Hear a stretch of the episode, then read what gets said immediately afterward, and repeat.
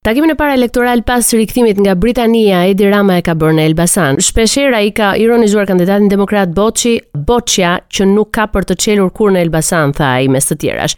Gjithashtu theksoi se pjesëmarrja e gjerë në fushatë është një mesazh për kundërshtarët të cilët sipas Ramës nuk arritën të mbushin stadiumin Air Albania në nisje të fushatës. Gjatë prezantimit për një mandat të dytë të Gledian Llatjas në krye të bashkisë, Rama shigjetoi edhe opozitën sipas tij të non gratave, të cilët kërkojnë ta mbajnë peng qytetin. Kryeministri tha se dyshja Berisha Meta janë të padëshiruar nga ndërkombëtarët dhe se shembull për qeverisjen e demokratëve është Shkodra ku nuk është bërë asgjë për qytetarët.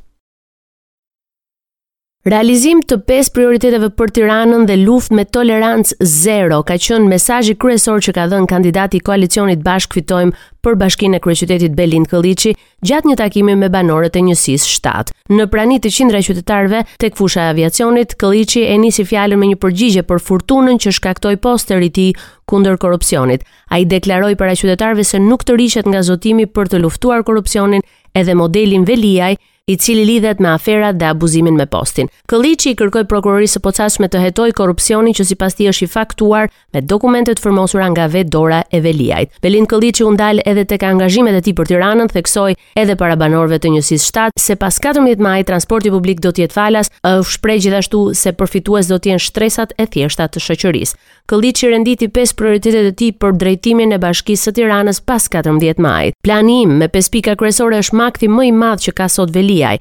Autobuzin falas, kemi nënkalimin tek sheshi Skënderbej, pa prekur sheshin, pa e dëmtuar një centimetër sheshin, dhe duke çliruar 60% të trafikut në qendër të Tiranës, kemi në plan ndërtimin e çerdheve, kopshteve dhe shkollave për çdo njësi në Tiranë.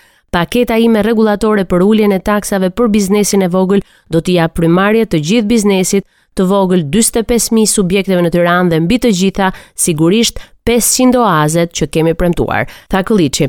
Ai gjithashtu theksoi se 14 maj pritet me padurim edhe nga socialistët të cilët sipas tij kërkojnë të largojnë sektin e Erion Veliajt nga drejtimi i bashkisë. Në fund me kërkesë të qytetarëve, Belind Këlliçi premtoi se pas 14 majit një ditë në javë ai do t'ia dedikojë pritjes së qytetarëve që do të ketë mundësi të dëgjojë nga afër problemet e tyre. Kandidati i Bashkisë për Tiranën, Belind Këlliçi kërkoi mbështetjen e qytetarëve në datën 14 maj, duke votuar jo vetëm atë si kandidat, por edhe listën e këshilltarëve të koalicionit Bashkë Fitojmë. Nga Zall-Herri ku takoi dhe bisedoi me banorë të zonës, kandidati i Partisë Socialiste për Bashkinë e Tiranës Erion Veliaj tha se opozita kujtohet për qytetarët vetëm për vota dhe se opozita Berisha Meta nuk del në Tiranë për mitingje që pas hapjes së fushatës në stadium. Ata që kemi përballë ku ishin? Ata që paguajnë stadiumin nga njëqind e ca mijë euro me non gratat, nuk është se s'i kanë mundësi ta ofrojnë një pjatë supë ose ta shërbejnë një drekë ose një vakt. Nuk është se nuk dinë ose nuk kanë, nuk duan. Se i duan njerëzit vetëm për vota. I duan vetëm një herë në 4 vjet. I keni parë më të bëjnë mitingje në Tiranë, s'dalin më se Tirana i ka thënë ik non grata. Sali Berisha ka vendos t'i çojë demokratët si cjapi te kasapi dhe të votojnë Ilir Sigurims Metën. Tek fleta e votimit, a ka poshtrim më të madh?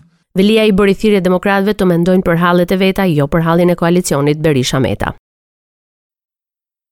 Sali Berisha është i bindur se përmes dajres dhe tallavasë kryeministri Rama ka vetëm një qëllim në këtë fushatë elektorale, mashtrimin e qytetarëve dhe maskimin për vjedhjet e tij.